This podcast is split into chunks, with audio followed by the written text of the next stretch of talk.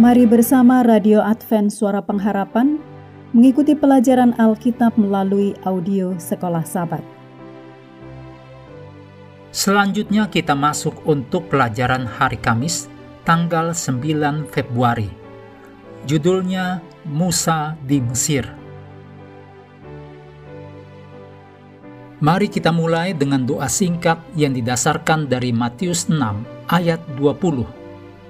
Tetapi kumpulkanlah bagimu harta di sorga. Di sorga ngengat dan karat tidak merusakannya, dan pencuri tidak membongkar serta mencurinya. Amin.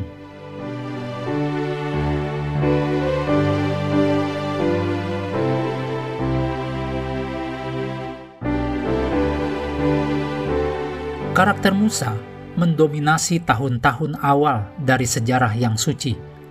Musa tetap hidup dalam pemeliharaan Tuhan yang bekerja melalui seorang ibu yang giat dan seorang kakak perempuan yang peduli. Ketika putri Firaun menemukan bayi Musa dalam keranjang yang terbuat dari daun pandan, sang putri meminta ibu kandung Ibrani si bayi untuk mengasuh anak itu dan membayarnya merupakan satu tantangan yang berbahagia bagi seorang ibu muda yang berada dalam pembuangan dan perbudakan. Yokebet hanya memiliki waktu 12 tahun untuk mengajar anaknya untuk berdoa, percaya, dan menghormati Allah, dan membentuk tabiatnya untuk hidup melayani. Selama bertahun-tahun berikutnya, Musa dilatih di istana kerajaan Mesir. Dalam kisah 7 ayat 22 dikatakan, Dan Musa dididik dalam segala hikmat orang Mesir, dan ia berkuasa dalam perkataan dan perbuatannya.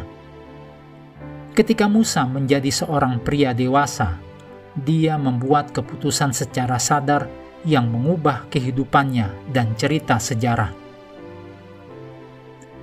Ibrani 11 ayat 24 sampai 29 menuliskan tentang apa yang Musa tinggalkan dan apa yang harus dia hadapi dan apa yang dia pilih, yaitu kekayaan Kristus sebagai kekayaan yang lebih besar untuk dia terima dengan meninggalkan kekayaan Mesir. Mesir setidaknya adalah salah satu dari kekuasaan terbesar pada zaman dunia kuno atau bahkan yang terbesar.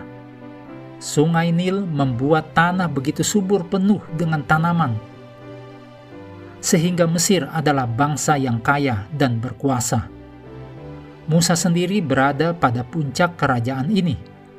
Sukar membayangkan betapa menggodanya bagi Musa, sehingga di tahun-tahun awal segala penarikan dunia Mesir dan semua hartanya. Tentunya Musa menerima sanjungan, kesenangan, dan kekayaan yang menggoda. Tidaklah diragukan, Musa bisa sangat mudah membenarkan dirinya untuk memilih tetap tinggal di Mesir daripada mengubah nasibnya bersama dengan sekelompok budak yang dibenci. Tetapi apa? Sebagaimana yang dikatakan kitab suci, Musa memilih lebih suka menderita sengsara dengan umat Allah daripada untuk sementara menikmati kesenangan dari dosa. Demikian yang ditulis dalam Ibrani 11 ayat 25. Dan berbicara mengenai penderitaan, sebagian besar dari buku keluaran berkaitan dengan tantangan dan cobaan Musa yang bahkan setelah semua yang ia lalui tetap tidak dapat menyeberang ke tanah perjanjian Demikian ditulis dalam bilangan 20 ayat 12. Tetapi pada akhirnya, kita semua tahu bahwa Musa membuat satu pilihan yang benar, meskipun ada saat-saat dia harus bertanya-tanya dalam dirinya sendiri jika dia benar-benar melakukan pilihan yang benar. Dari sudut pandang duniawi, Musa harusnya tinggal di Mesir. Akan tetapi, sebagai umat Kristen, kita telah diberi gambaran akan kenyataan yang akan membawa jalan kita keluar dari dunia ini. Saat kita dicobai oleh dunia, begitu penting kita dapat tetap menjaga gambaran besar di depan kita. Mengakhiri pelajaran hari ini, mari kembali ke ayat hafalan dalam Markus 8 ayat 36 dan 37. Apa gunanya seorang memperoleh seluruh dunia tetapi ia kehilangan nyawanya?